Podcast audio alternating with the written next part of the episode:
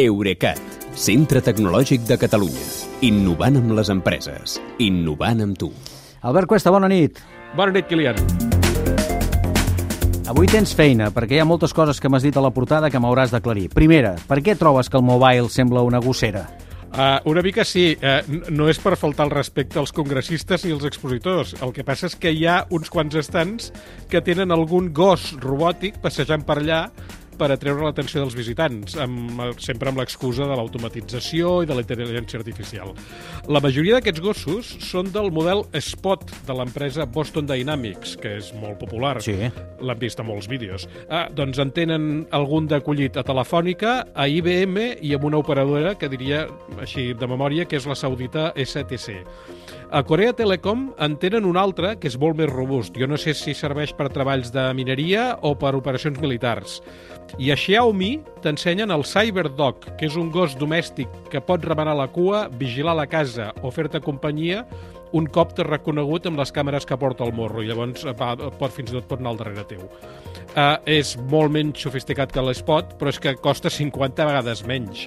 A la Xina el venen per 1.500 dòlars contra els, els 75.000 que costa el, el de Boston Dynamics. Home, ja són diners de menys, sí. Eh, De tota manera, no n'estaves gaire pendent d'això dels gossos perquè a l'estand de Xiaomi miraves una altra cosa, eh? Uh, jo ho reconec, mentre m'ensenyaven el gos, jo, a mi que el que m'ha enganxat és un vídeo promocional que passaven en una pantalla de la fàbrica negra de mòbils que uh, Xiaomi posarà en marxa l'any que ve. Uh, em diuen així perquè podrà funcionar a les fosques, perquè a la cadena de muntatge no hi haurà cap operari humà, o sigui que no els hi caldrà llum. Uh, totes les operacions les faran robots i per això tindrà capacitat de fabricar un telèfon cada 3 segons. Cada 3 segons. Això a mi em sembla una brutalitat. Gent per mm, agafar-los als telèfons sí que segur que hi haurà gent que els voldrà, però cada 3 segons són molts telèfons, eh? Molts, molts. Molts, molts, molts.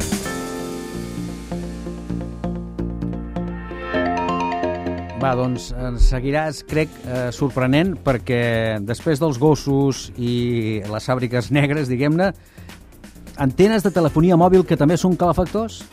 Uh, sí, a veure, l'eficiència energètica, uh, ja n'hem parlat algun dia, és un dels temes destacats de la, del sector i d'aquest congrés en concret, uh, perquè les operadores i els proveïdors busquen maneres de reduir el consum elèctric de les xarxes. A l'estand d'Intel ensenyen antenes que aprenen els patrons d'ocupació de la zona on donen cobertura i abaixen la potència d'emissió durant les hores que hi ha poca afluència de gent.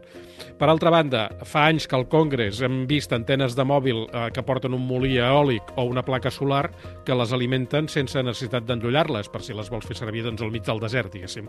Però trobo que el millor és una cosa que he vist avui, que és la nova estació base de Nokia refrigerada per aigua. I, i aquesta aigua, clar, eh, com que és de refrigeració, surt calenta i l'operadora la pot rendibilitzar venent-la per alimentar xarxes de, la de calefacció centralitzades com les que hi ha als països nòrdics. Està bé.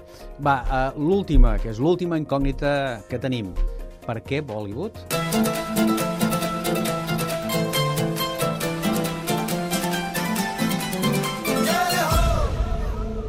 Perquè tu deies que m'ha semblat que deies, vaja, si més no, que et semblava un malson, això. Sí, mira, aviam, la, això ve de que la sessió d'avui sobre tecnologies financeres ha començat molt formal tot, amb la ponència del president de CaixaBank fent una mica de president de Telefònica, perquè de fet tots dos reclamen el mateix, que és que les noves empreses digitals dels seus sectors se'ls hi apliquin les mateixes normes que les tradicionals, els que ja en són, amb ells. Després ha vingut el president de la casa de subhastes Sotheby's a explicar les meravelles dels criptoactius.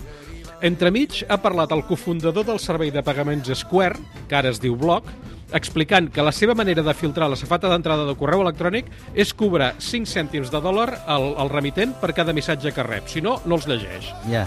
Però uh, això que dèiem i això que estem sentint, a mi el que m'ha alarmat més ha sigut el president de l'empresa índia Hungama, que jo no el coneixia, promocionant el seu univers virtual d'entreteniment amb criptomonedes i tot plegat, que a mi m'ha semblat com el metavers de Zuckerberg, però en versió Bollywood. Home, té la seva cosa, eh? Et sembla, però, que no t'hi veurem, a tu, eh? Però jo, si el futur connectat és així, Kilian, deixeu-me baixar abans de que hi arribem. Molt bé, doncs ja la ballarem, em sembla. Que vagi bé. Bona nit, fins demà. Eurecat, centre tecnològic de Catalunya. Innovant amb les empreses. Innovant amb tu.